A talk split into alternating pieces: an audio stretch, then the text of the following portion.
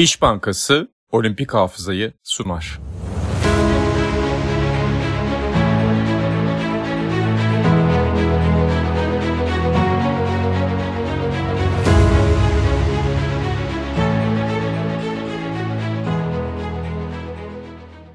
Olimpik Hafıza programımıza hoş geldiniz. İlk bölümümüzde sizlere merhaba diyoruz.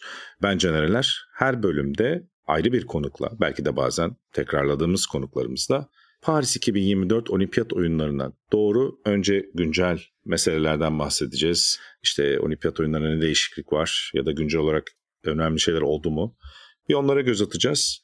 Sonrasında da Türkiye İş Bankası'nın katkılarıyla hazırladığımız bu özel olimpiyata doğru programında olimpiyat tarihinden unutulmaz anları ya da unutulmaz olayları konuşacağız. İlk bölümde de Ozan Can Sülüm konuğumuz. Ozan hoş geldin. Neler söylersin? Ben sana hoş Sülüm bulduk. demeye alışmışım. Ozan deyince kendimle bir yabancılaştım hocam. Garipsedin değil mi? Ben de sana Mösyö diyorum mesela yani. Hiç isim soyad yok. Hazır Paris'teyken olimpiyat diyorsun. Mösyö daha da uygun. Tabii tabii Mösyö daha iyi. ya e, olimpiyatı e, böyle olimpiyat geldiğinde konuşmak bizim huyumuz ya genellikle. Ya da olimpiyatta hmm. bir şey olduğunda konuşmak. Olimpiyata hazırlık yapmak, bir yıl öncesinden hazırlık yapmak ki olimpik döngü aslında belki 4 senede e, takip edilen bir şeydir ama olimpik cycle'a son bir senede girilir. Hani kendim için demeyeyim, dinleyenler için şey demek istiyorum.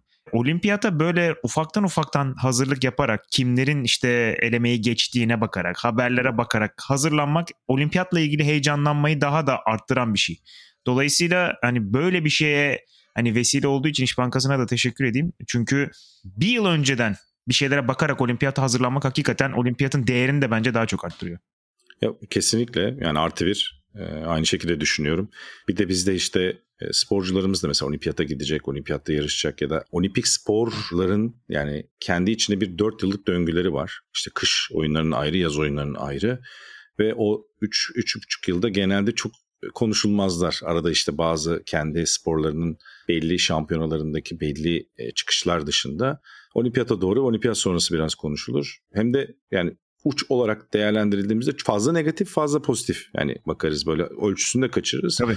Aslında tüm süreç boyunca konuşsak çok daha tutarlı olacak. O yüzden burada ben de teşekkür ediyorum bize bu imkanı verdiği için bizim için seninle benim gibi ya da işte başka konuklarımız gibi olimpiyat oyunlarıyla ve olimpik sporlarla sadece olimpiyattan olimpiyata değil arada da ilgilenen insanlara da bu sohbeti yapma fırsatı verdiği için ayrıca ben de teşekkür ediyorum. Övgülerimizle başladık.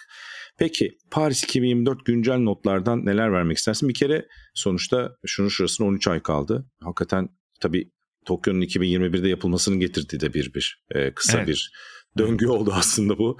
Özlemimiz daha kısa sürüyor olimpiyat oyunları ile ilgili. Yeni sporlarımız var.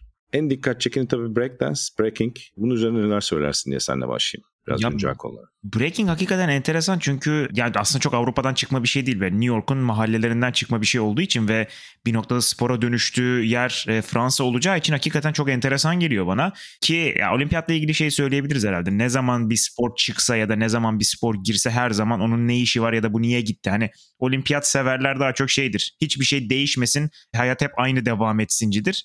Ki işte sörfte de aynısı oldu. Mesela sörfün olimpiyatta ne işi var? Golf spor mu evet. onun ne işi var falan diye. Ki Tokyo'da evet. aslında bence surf biraz hani hava şartları falan sebebiyle kötü oldu.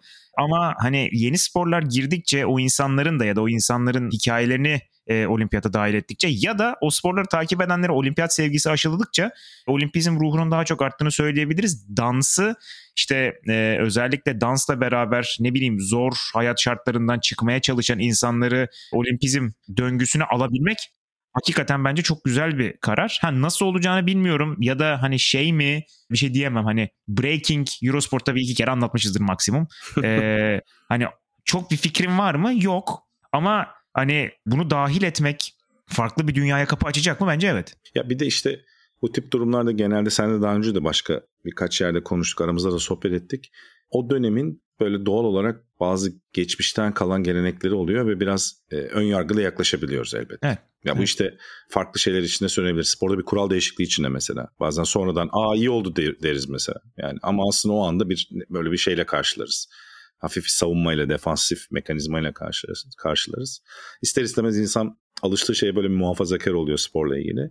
Ama sonuçta nesiller değişiyor, alışkanlıklar değişiyor. Bundan 50 yıl önceki olimpiyat oyunlarının bazı iç kurallarıyla şimdiki aynı değil ve Biz onları bilmiyoruz bile başkalarına alışığız. Yani öyle de bakmak lazım. O yüzden ben çok karşı değilim ama tabii bir yandan da tuhaf da gelmiyor değil. Ama şeyi de düşünmek lazım. Mesela genellikle öyle şey yapılır ya. Şimdi bu hmm. bir spor mu? Bilmem nesi var. Evet. Kardiyo. Mesela evet. e-spor için çok konuşuluyor ya. Abi işte Doğru. kardiyo yok içinde. Ne bileyim hani fiziksel zorlanma yok içinde falan. Ee, mesela breaking bunların hepsini neredeyse tik atıyor. Estetik mi estetik, e, aktif mi aktif, Doğru. işte sportif, fit olman gerekiyor mu vesaire. Bunların hepsini gerektiren şeylerden biri. Doğru. Ama hani dansın olimpiyatta ne işi var diye soran çok fazla insan olacak tabii. Hocam biz biliyorsun bizim sevgili Başak da anlatırdı Eurosport'ta. Klasik danslar falan vardı ya şey. Tabii tabii. Yayınlar, Eurosport'ta yayın programında yer alırdı işte. Dans tabii, tabii. yarışmaları falan vardı. Aynen. Ben anlattım ya ben anlattım hatırlıyorum böyle grup halinde işte ortaya dalıp falan. elbiseler falan. Ha, tabii aynen. tabii. tabii. Ya ki hani şöyle diyeyim bu arada izlemesi de çok keyifli falan. bir şey. Aynen. E, tabii. Aynen. Şimdi ben 80'lerde breakdance çok modayken hocam breakdance'i bayağı iyi yapardım. Şu an sadece ha. o elektrik hareketini hatırlıyorum. o kadar. O kadar. ya da o kadar. El, elimin üzerinde dönme işte bu şeyde vardır hani yerde dönersin falan taklalar atarsın. E, büyük eşofmanlar şeyler giyersin. Şimdi Aynen. ben de inceleyeceğim tabii önümüzdeki sene. Olimpiyata doğru. Hatta bir tane zevkine beraber yayın alırız belki Eurosport'ta. Vallahi olur. Yani ben hakikaten şey isterim. Ya gerçi hani bir de şey böyle e, olimpiyatta bu sporlar giriyor da bunlar bazen hani yayınlanmadan da hani yapılıyor bir yerde. Biraz özeti giriyor bir yerlere. Hani bir şeyle çakıştığı için mesela yayınlayamıyoruz. Bir de öyle sıkıntılar da oluyor. Doğru. Umarım öyle olmaz. Doğru. İlk spor olduğu için verirler büyük ihtimalle. Ee, biz kayda girmeden önce yakın zamanda hani aktüel haberleri de konuşuyoruz. Paris 2024'ün olimpiyat meşalesinin e, rotasında önemli duraklar açıklandı. E, Fransa'daki serüvenine 8 Mayıs 2024'te başlayacak. Malum 26 Temmuz 2024'te başlayacak Fransa e, Paris Olimpiyat Oyunları ve 68 gün kala başlangıcına Marsilya'ya gelecek. Yani güneyden denizden dahil olacak Fransa toprağına ve ondan sonra bir rotası var. O rota çok da bir detaylı e, olimpiyat sitesinde bulabilirsiniz olympics.com'da. Yani şimdi bunda konuşursak bütün programın süresini buna vermiş oluruz. Aynen, aynen. Ama meşhurdur biliyorsun işte ünlüler taşır, kimileri belli sembol isimler taşır, kimi kesimleri temsil eden insanlar taşır. Fransızlar da herhalde özel bir ekip hazırlıyorlardır diye tahmin ediyorum. Zaten Paris Belediye Başkanı Anne Hidalgo sürekli bu konuda açıklama da yapıyor. Onu da açıklamış olalım bir son haber olarak. Aynen öyle ki yani ilk izlemeye başlanan şeyler de genellikle hani kimin taşıdığı, nerede taşıdığı, nasıl girdiği hmm. falandır. E, ilk heyecan aslında orada başlar biraz da. Doğru, doğru. Bu arada enteresandır. E, son hani ben oradan güncel konulara e, bir nokta koy, koymaya çalışayım. Biliyorsun Roland Garros için Paris'e gitme fırsatım oldu geçtiğimiz günlerde. Hmm. Aslında iyi de oldu biraz Paris bir sene kala ne durumda diye. Her yerde çeşitli hala bazı renovasyonlar devam ediyor. Anne Hidalgo zaten özel bir belediye başkanına dönüştü işte arada Cumhurbaşkanlığı içinde konuşuldu ismi. Paris'in belediye başkanı hanımefendi ki işte tramvay hatları gelişmiş durumda. Tabii Paris'in genel olarak şehir yapısı çok oturduğu için işte savaşlarda da biliyorsun Fransızlar korumak için özel çaba gösterdiği için yani Nazilerin dokunmadığı bir Paris var. E, belli e, ufak ufak problemler dışında aslında çok korunmuş bir şehir. Belli altyapıları çok oturmuş bir şehir. Belli renovasyonlar geçiriyor ama yine de bütçenin 7,5 ile 8,5 milyar dolar arasında ulaşması bekleniyor şehirler bu tip Paris gibi çok eskiden kalan şehirler, tarihi şehirler biraz aslında yenilenmek için kullanıyorlar olimpiyat oyunlarını. Onu da görüyorsun. Bazı şeylerin yenilendiğini gördüm. Ee, öyle gözlemlerimi de ifade etmiş olayım. Ama hala bazı e, şeyler devam ediyor ama spor sahalarının büyük bölümü hazır. Ee, onu da eklemiş olayım. Zaten evet. zaten geçmişten kalan işte Roland Garros mesela kullanacaklar tabii ki tenis turnuvası için. Mesela onlar zaten yenilenmiş durumda çoktan. Bu arada şey çok hoşuma gitti. Hani ben de o notları iletip aklıma gelmişken şey yapayım. Bir e, Fransız Polinezyası'nda yapılacak surf. Ha, hani evet. tarihi bir olay bu çünkü hani Aynen belki de hani herhangi bir sporun ilk kez bu kadar e, ana karadan ve şeyden uzaklaştığını göreceğiz. E, evet. Ana evinden uzaklaştığını göreceğiz. Tabii o çok ki. enteresan ki yani zaten surf'ın çıktığı yer e, oralar. Dolayısıyla çok özel bence bir durum. Evet. Bir de şey çok hoşuma gitti. Sen şehirden bahsettin. E, Tony Estange işte işi yürüten her şeyin başındaki hani Fransız yani Paris 2024'ün başındaki adam şey diye, evet. e, dedi. Ya onların Sen ne, ne diyelim Sebastian Coe'su diyebiliriz yani şey ha, olarak. Mesela Aynen. IOC member galiba zaten hani başındaki Aynen. adam. Ee, şey diyordu. E, Sen Nehri bizim en özel figürlerimizden biri ve bugüne kadar e, hani bir nehri ya da şehir içi suyu hiç kullanmamış e, durumda olimpiyat. Bunu çok entegre edeceğiz gibi. Hatta şey Hı-hı. galiba. Aynen. Olimpiyat geçişi de ülkelerin geçişi de sende yapılacak diye bir şey okudum. Evet ben de öyle duydum ki sende baya bir renovasyon yani yenilenme yapılmış durumda. İşte yazın zaten oralara mesela artık kum e, koyuyorlar, plaj yapıyorlar. Seni hmm. çok daha şehre entegre edip kullanıyorlar. Eskiden böyle daha atıl kalan bir yapıdaydı. İnsanlar hatta nehrin kenarına inip artık oralarda daha rahat oturabiliyorlar. Ee, şeyi de söyleyeyim. Tony Estange biliyorsun hareketli su şeyde kanoda çok efsane özel bir isim. Hı hı. Tarihin hı hı. en büyük sporcularından biri. Hani Sebastian Cole'su dememin sebebi şu. Londra Olimpiyat Oyunları'nın organizasyon komitesinin başında Cole vardı. Bir efsaneydi. Estange de Fransız için özel bir efsane. Ve hakikaten şehrin her yerini kullanacaklar. Bir de sen Tahiti'den bahsettin. Mesela e, şeyde Lille'de oynanacak bazı yerler. Yani sadece şehri değil Fransa'nın da belli yerlerini kullanacaklarını evet. söyleyelim. O açıdan çok güzel. Peki istersen güncelliklerden artık yavaş yavaş tarihe gidelim. Çünkü İş Bankası'nın sunduğu olimpik hafızada hafızamızı yoklama zamanı. Türkiye İş Bankası ile unutulmaz olimpiyat anlarını konuşacağız. Her e, olimpik hafıza bölümünde 3 an konuşmaya çalışacağız. Bugün de tabii Ozan Cansürüm'ü konuk etmişken biraz daha atletizme ağırlık verdiğimizi söylemem lazım. Baş konuğumuz da sonuçta olimpiyat tarihinin hatta spor tarihinin en büyük efsanelerinden biri. Atletizm ve orta uzun mesafe koşu tarihinin büyük isimlerinden biri Paavo Nurmi. Uçan Finlandiyalı veya işte birçok lakap söyleyebilirsiniz. Ve 1900 20'lerde 20 Antwerp, 24 Paris ki 100. yılında sonuçta 24 Paris'in 2024 Paris tam da bir sembol oluyor Nurmi olimpiyat oyunların en büyük kahramanlarından biri. İstersen başlayalım ufak ufak çünkü 3 unutulmaz an konuşacağız. Hı hı. Süremizi iyi kullanarak Paavo Nurmi'den başlayalım. Paavo Nurmi hocam başardıkları neden e, olimpiyat tarihinin unutulmaz anlar arasına giriyor bizim seçtiğimiz anlar arasına giriyor ya da dünyanın ya, seçtiği.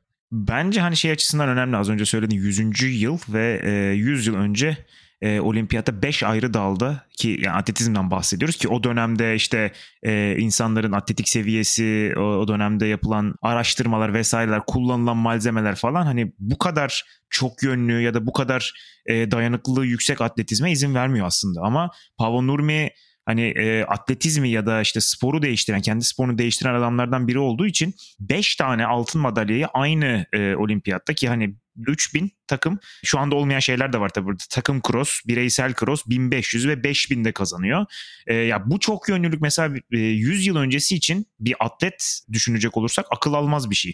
Hani şey falan diyoruz bazen görüyordur. Yani Twitter'dan falan takip edenler işte e, çıktı X nasıl diyeyim hani dayanıklılık sporcusu 100 kilometre koştu bilmem kaç saatte falan. Ha, bunlar, bir insan nasıl bu kadar koşabilir falan diyoruz. Muhtemelen 100 sene önce de Pavo Nurmi için bunlar söyleniyordu. Evet. Ee, ve dolayısıyla hani Pavo Nurmi bir de tabii ek olarak şey söylemek lazım. Bu kadar başarıdan sonra bence e, sporun ilk süperstarlarından bir tanesi. Çünkü ABD'ye davet edilip böyle her yerde birileriyle yarıştırılmış falan da bir adam. Dolayısıyla hem hani sporu değiştirme açısından atletizm anlamında hem de süperstarlık açısından Hani bence atletizm sporunun ya da olimpik sporların ilk büyük figürlerinden bir tanesi. Ve şeyi hatırlatalım yani 1897 doğumlu 1973'e kadar yaşıyor. Evet. Ve özellikle de bu 20-24 sonrası bir rockstar'a bir süperstara evet. dönüşüyor. Hem Finlandiya'da evet. hem dünyada senin dediğin gibi işte o zamanın en önemli olayı yani Amerika Devletleri'ne böyle bir gösteri yarışlarına davet edilmesi. Ki çok enteresandır. E, aslında 10 binde de kazanılmayı planlıyor ama yarışmıyor, yarıştırılmıyor. O zaman işte evet. Ville Ritola ile büyük bir rekabeti var. 24'te yarıştırılmıyor Paris'te. 4 sene sonra gidiyor. Ville Ritola'yı 10 binde de geçiyor. O sene de başka, e, o da 5 binde geçiyor onu Ritola'yı. Çok enteresan bir figür. Tabii Finlandiya'nın 1900'lerin başından gelen bir, e, zaten cross'tan gelen özel bir e, orta ve uzun mesafe geleneği var ki bugünlerde aslında o kadar hakim değiller, etkin değiller, ara ara atletler çıkarıyorlar ama o dönemde gerçekten hani Afrikalıların, Doğu Afrikalıların bu haritaya koşu haritasına girmesinden önce hakim ulus onlar. Yani İskandinavya'nın o genel tabii ikliminin de kutup çemberine getirdiği bir avantajı var ki sen de biliyorsun yani kış sporlarında da dayanıklılık, andurans gereken yerlerde ne kadar e, özel sporcular yetiştirebiliyorlar. İşte Hannes Koleymainen'den başlayan bir uçan filmi, işte hayalet filmi geleneği var. Hep bu lakaplarla böyle bir süper kahraman gibi sunuluyorlar.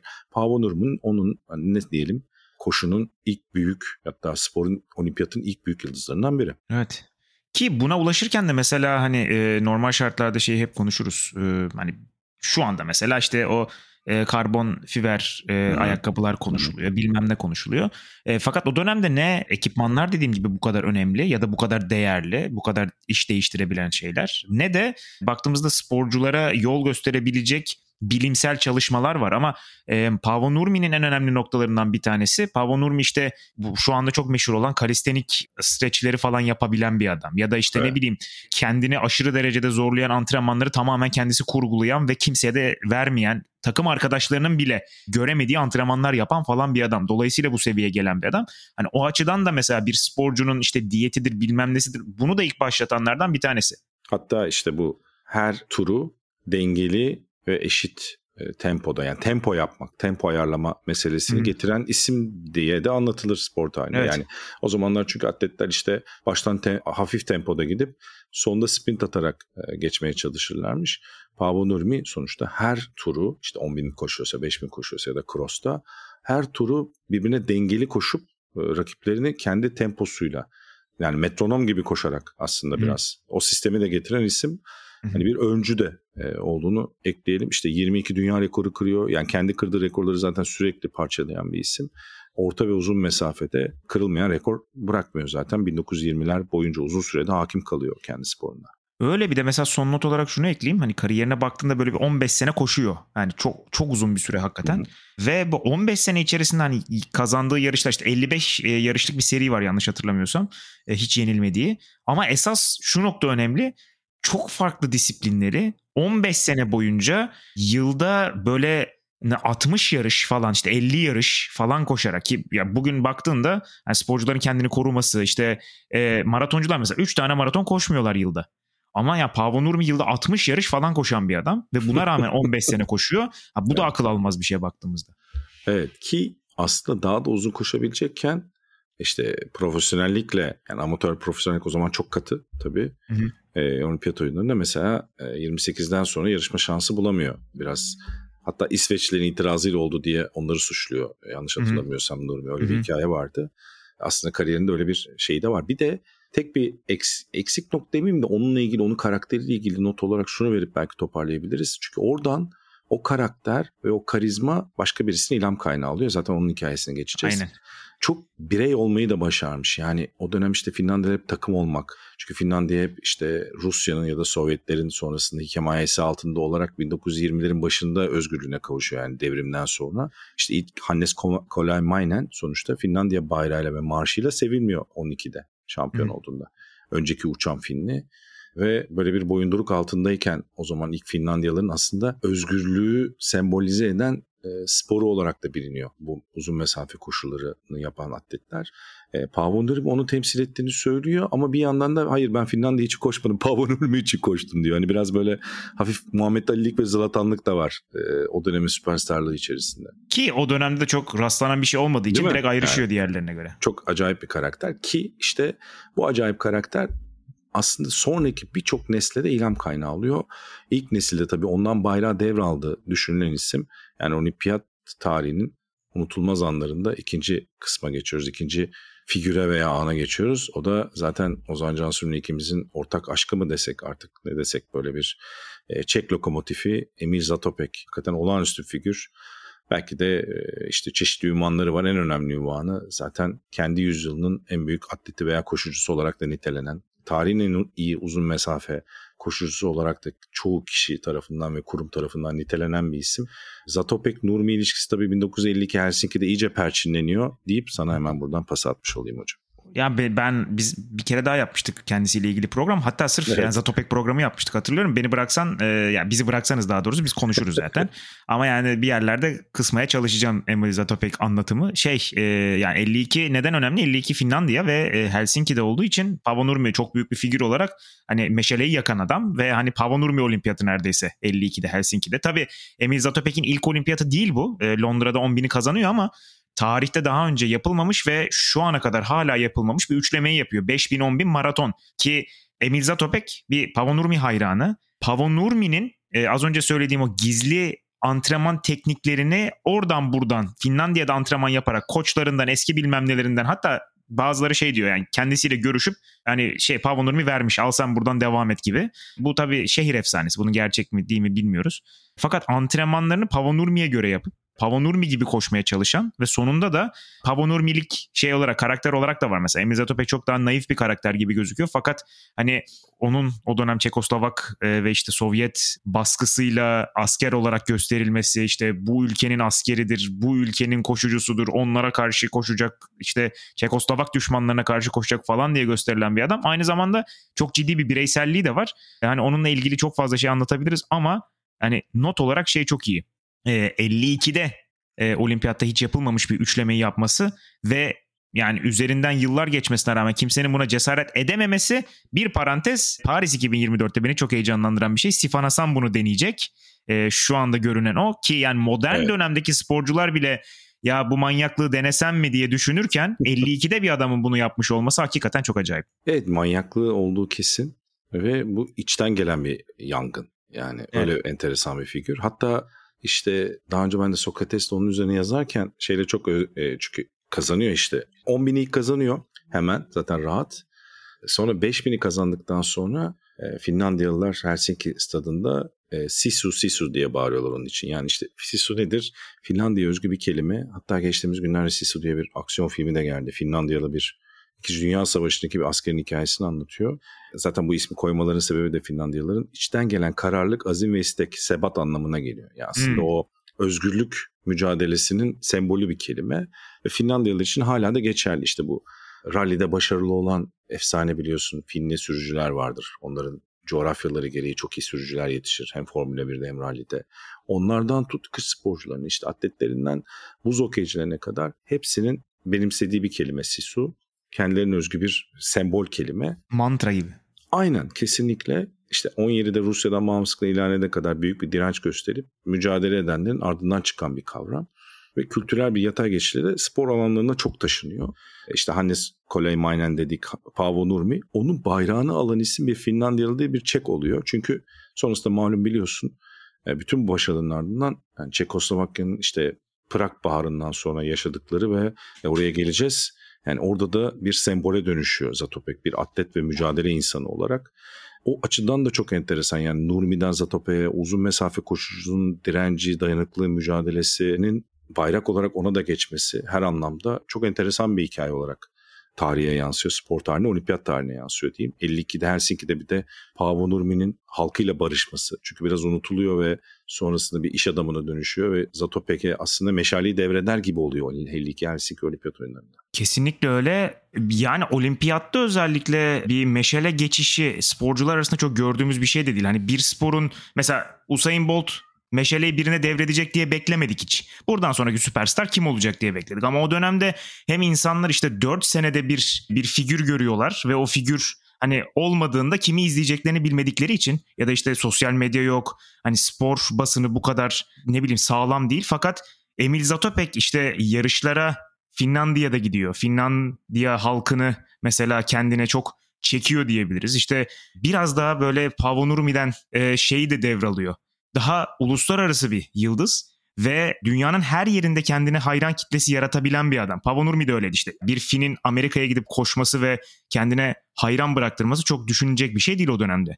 Emil Zatopek için de biraz böyle. Ama işte Emil Zatopek'in burada şeyi de var. Yani halkıyla küsmesi, işte evet. yönetimin onu asker gibi kullanması vesaire.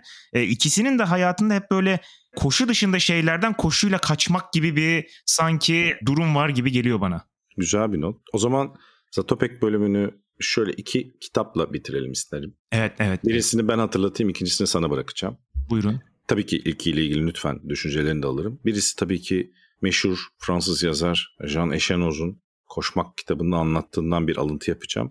Ki işte 48-52 arası 5000'de 10.000'de girdiği 72 yarışı kazanan ki 48'de başlıyor yıldızlaşması zaten Zatopek'in ve onu çok etkiliyor. Asıl koşu stili çok etkiliyor. Oradan bir ufak alıntı yapayım sonra sana ikinci kitabı bırakacağım. Hı hı. Uçar gibi görünen koşucular vardır. Dans eder gibi koşarlar. Emil onlardan farklı. Derine dalıyor, kendi kendini oyuyor gibi, transa geçmiş gibi. Emil akademik klişelerden ve her tür zarafet kaygısından uzakta. Ağır biçimde, çırpıntılı, kasıntılı, sarsıntılı biçimde ilerliyor. Ekşimiş, buruşmuş, acı verici bir sırıtmayla sürekli burkulan suratından okunan çabanın şiddetini saklamıyor. Sanki her iki ayakkabısında birer akrep varmış gibi koşuyor. Başı sürekli sallanıyor. Yani olağanüstü bir tasvir bu arada. Hani izlemesen Aynen. kafanda canlandırabileceğin işte yani zaten müthiş özel bir yazar Eşenoz. Buradan pası hocam Today We Die a Little. A little. Sana oradan pas atayım. Richard Asquith'in aslında yani isim koymakta çok zorlanmadığı e, bir kitap diyebiliriz. Today We Die a Little onun da hikayesini anlatayım. Emil Zatopek işte 10 bini 5 bini yapıyor yanlış hatırlamıyorsam sırası böyle. Hı hı. E, ve maratona geliyor. Maraton startı inanılmaz sıcak ve hani herkes zaten ölmüş. Bütün herkes koşuyor çünkü hani 3000 koşan var 1000 koşan var neyse. E, Emil Zatopek startta arkasına şöyle bir dönüyor. E, Beyler bugün biraz öleceğiz diyor ki Today We Die Little'da Richard Asficht'in muazzam Zatopek kitabının ki yani hani şöyle diyeyim inanılmaz fazla yolculuk yapıp inanılmaz fazla insanla konuşarak yazdığı bir biyografi. Evet. E, hani okumanızı tavsiye ederim deyip ben de öyle kapatayım. Hocam son bir alıntı yapayım. Zatopek bu işte Eşenoz'un tarif ettiği stilin çirkin olduğuna dair eleştirilerde atletizm buz pateni değildir diye cevap veriyor o dönemde. Tabii işte müthiş de bir figür. İşte Ron Clark'a verdiği olimpiyat altını Avustralya atlet. Yani onun hiç kazanamadığını görüyor. Çok çabaladığını, ikinci, üçüncü olduğunu görüyor ve 66'da ona bir Helsinki'de kazandığı altınlardan birini hediye ediyor. Müthiş bir jest. Onu hatırlatayım. Sonra e, çalışma kamplarında bulunmak zorunda kalan işte e, eşi de bir olimpiyat şampiyonu Ciritçi Dana Zatapkova. O kitapta onunla da ilgili çok şey var diye hatırlıyorum. Yanlış hatırlamıyorsam okuyalı evet, oldu. Evet. E, senin bahsettiğin kitapta. O yüzden biz bu kadar geniş bir öyküyü kitaplara birazcık e, değil mi pas atalım. Aynen. Çünkü burada hepsini anlatmamız çok zor gerçekten. Yani ayrı bir bölüm yapsak evet. bile yetmez. iki part falan Aynen. lazım. Aynen. O yüzden hem sadece bir spor figürü değil toplumu için, Çekler için Vaklav Havel kadar neredeyse sembol bir isim olduğunu söyleyeyim Emil Zatopek'in. Ki Vaklav Havel de Emil Zatopek'e özür dileyip hani ülkesiyle barıştıran adam e, son olarak Çekoslovak başkanı galiba. Aynen öyle. E, o da büyük bir edebiyatçı. Zatopek de atletizm dünyasının edebiyatçısı desek herhalde e, yanlış olmaz diye güzel düşünüyorum. Olur, güzel Ki olur. IOC merkezinde de bu arada olimpiyat merkezinde Lozan'da da bir heykeli dikilir yıllar sonra. O hakkı iade edilir diyeyim Emil Zatopek'in. Buradan e, hakikaten kendisini büyük saygıyla anıyoruz. Peki biraz yakın zamana gidelim. Çok 20'ler, 50'ler, evet. 60'lar dedik. Hemen sözü sana bırakacağım. Çünkü Ozan Can Sürüm'ün özel uzmanlık alanlarından biri için buradayız. Son Tokyo Olimpiyat Oyunları'nın gerçekten en güzel hikayelerinden biri, en unutulmaz anlarından biri. Fransızların hem erkeklerde hem kadınlarda olimpiyat şampiyonu olması ama özellikle kadınlarda aldığı altının tarihi olarak önemi çok büyük değil mi Ozan? Kesinlikle öyle. Ya şöyle bir baktığımızda aslında biraz Tokyo'dan alacak olursak bir ara şey gibi düşünüyordu herkes. Bütün salon takım sporlarını herhalde Fransızlar alacak. İşte erkekler voleybol aldılar, basketbol falan e, gidiyorlardı. Tabii hepsini alamadılar ama özellikle handbol dublesi tarihi bir duble ki normal şartlarda aslında şunu söylemek lazım. Erkek egemen bir spor e, handball Fransa'da. Fransa domine eder handbolu ama genellikle erkeklerde domine eder ve yıllardır kadınlarda hep böyle işte ikincilik, e, üçüncülük, işte yarı final, çeyrek final gibi sonuçlar alırlar ve aslında çok da başarılı olmasına rağmen diğer taraftaki e, uzmanlar adıyla hayatına devam eden erkekler takımı o kadar dominanttır ki haberleri bile çıkmaz. İşte burada mesela şey gibi bir durum var. Eski efsanevi oyuncularından birkaçının mesela işte Isabel Wending yanlış hatırlamıyorsam şöyle bir lafı vardır ki 2003'te şampiyon olmuş bir takımdan bahsediyoruz. O takımda bulunan bir e, oyuncu. Ya ben e, birkaç kez hani bir finalden sonra bir şampiyonluktan sonra bir Avrupa şampiyonası işte üçüncülüğünden sonra heyecanla gazeteyi açıp ailemle e, benim hakkımda bir şeyler okumak isterken hiçbir şey ol, olmadığını gördüm. Yani bize kimse yer vermez, bize kimse ne bileyim önem vermez e, diyor ki bu bence bir sporcu için en ağır şeylerden bir tanesi. Ama ya sonunda 2020'de Tokyo'da ki e, bunu yapan da yine Oliver Cromwell. Şöyle söyleyeyim 1992'de altyapıya girip altyapı kadınlar e, antrenörlüğüne başlayıp bir 3 yıl hariç tamamen e, Fransa kadın handboluna emek veren bir adam ve sonunda 63 yaşında da Tokyo'da e, o takımla beraber şampiyonluğu yaşayan bir e, adam. Hem e, teknik direktör hikayesi olarak çok acayip bir şey. Yani 92'den alıp e, inanılmaz fazla jenerasyonla inanılmaz fazla şey yapıp hiç haber olmamak ama sonunda da bırakmayıp hani az önce bahsettik sebat Tokyo'da onlara bir altın getirdi. Yani aslında günün kelimesi gibi oldu. Fransızların evet. Sisu, Sisu'su Aynen. Sisu sembolü de herhalde şey diyebiliriz. Fransa kadın handball takımı gerçekten. Bir de Fransa'nın çok enteresanları bu özgürlükçe eşitlikçi şey yapısının içinde yani sporda tuhaf bir kadınlara daha sonradan geç hak verme işte futbolda da biliyorsun. Hı hı, Uzun yıllar hı. profesyonel oynamaları Tabii. engelleniyor işte daha sonradan hakları elde ediyor. Bu da e, çelişen de bir durum aslında Fransa'nın genel ne diyeyim modern öyküsüyle modern Aynen. Fransa öyküsüyle.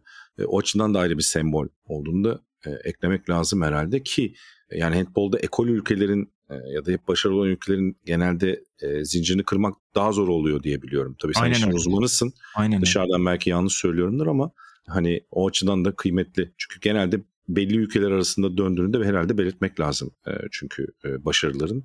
Ki Rusya Olimpiyat Komitesi olarak katılan takıma aslında 2016 Rio'da kaybettikten sonra bir de 4 yıl sonra sebat dediğin için söylüyorum. Gelip bir de o rövanşı da alıyorlar yani ayrıca. Aynen işte o ya o zaten hikayenin öyle sonlanması da çok güzel bir şey. Çünkü olimpiyat finaline ilk kez çıkıyorlar ve o Rusya'ya kaybediyorlar ki çok daha iyi olabilecek bir takım çok kötü oynadıkları bir final ve tam tersi işte 4 sene sonra e, o takım çok bence çok daha güçlü bir Rusya takımını bayağı rahat bir şekilde yenmeyi başarıyor ve yani sonunda da mutlu sona ulaşıyor ki bu oyuncuların kendi evlerine şampiyon yani son şampiyon apoletiyle gidecek olmaları da bence hani onların kariyeri ve onların hayatta yaşadıklarını düşünecek olursak çok da özel bir hediye. Peki takımın şeyi ne? Daha 13 ay var da sonuçta o sezonda her şey değişebilir işte. Daha bir, koca bir sezon oynayacak sonuçta gelecek sene. Tekrar hani ünvanını koruma fırsatı var mı yoksa çünkü e, veteran oyuncuların emekliliği de olabilir o yüzden soruyorum. Ya e, o kadroda çok fazla şey vardı. Hani veteran ve e, çok fazla hani kariyerinin sonuna doğru gelen vardı ama aynı zamanda çok da fazla genç vardı ve çok Hı hı. e, atlet genç takım görünümü veriyordu. Bununla beraber tabii e, dediğin gibi şimdi e, bir de dünya şampiyonası olacak bu yılın sonunda. Dolayısıyla hani orada ne olacak? Biraz Daha net oradan hede- aynen oradan bir hedef alacağız. Bir de işte tabii sezonlarda işte çünkü handbolda şey çok oluyor. Yani e, tam sezon sonu herkes yorulmuş bir bilek dönüyor o oyuncu kapatıyor falan. Umarım öyle bir şey olmaz tabii ki herkes kendi evinde. Özellikle de hani bu bahsettiğim tecrübeliler son kez e, kariyerini yani bir sezon daha uzatanlar e, umarım öyle bir sakatlık yaşamazlar ama e, dediğin gibi ihtimal var ki yani çok da güçlü özellikle Fransa'da kendi evlerinde herhangi bir sporda Tabii. ekstra bir güç alıyorlar. E, hakikaten çok acayip bir seviyeye gelebilirler. Tabii birçok sporda Fransızlar emekliliklerini ertelediler Paris 2024 Yani. e, nedeniyle. Kendi evinde bir olimpiyat oyununda yarışabilmek bile yani bırak madalyayı biliyorsun. Tabii. Çok önemli. O zaman tamamlıyoruz galiba. Aynen öyle. Ağzına sağlık. Olimpik hafızanın ilk bölümünde 3 unutulmaz anı farklı dönemlerden konuşma şansı bulduk. Teşekkür ediyorum sana. Ben davetin için teşekkür ediyorum. Ayrıca dediğim gibi en başta hani bir yıl önceden olimpiyat konuşmaya başlayabildiğimiz için de İş Bankası'na teşekkür ediyorum. Ozan Cansu'nun Washington DC'den Amerika heyetiyle katılacak sonra. Aynen buradan bir heyetle geleceğiz. Buradan bir heyetle geleceğiz. E, Şu anda Amerika'da çok e, hani hiç daha doğrusu popüler olmayan bir sporu DC'den yayıyor. İleride konuşuruz bence hikayesini yaparız. Handball Abi ben bir iki şeye gidebilsem, bir iki turnuvaya daha gidebilseydim böyle vlog falan yapacaktım da yapamadım bir türlü ama gelecek sezon kafamda var yani. İleride senin hikayeni de yaparız. Olimpiyat tarihinin unutulmaz anları. İşte Amerika işlerine handball'u getiren adam. Heykelim dikilecek böyle şeyleri.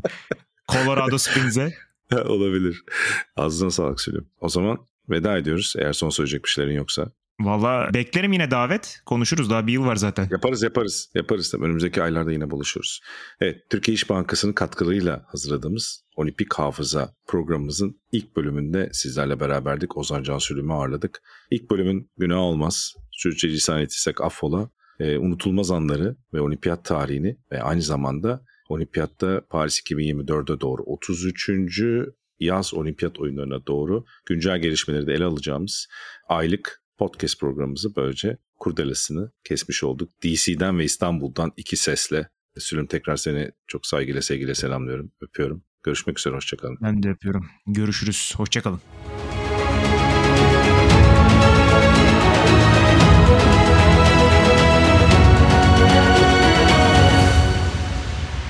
İş Bankası Olimpik Hafızayı sundu.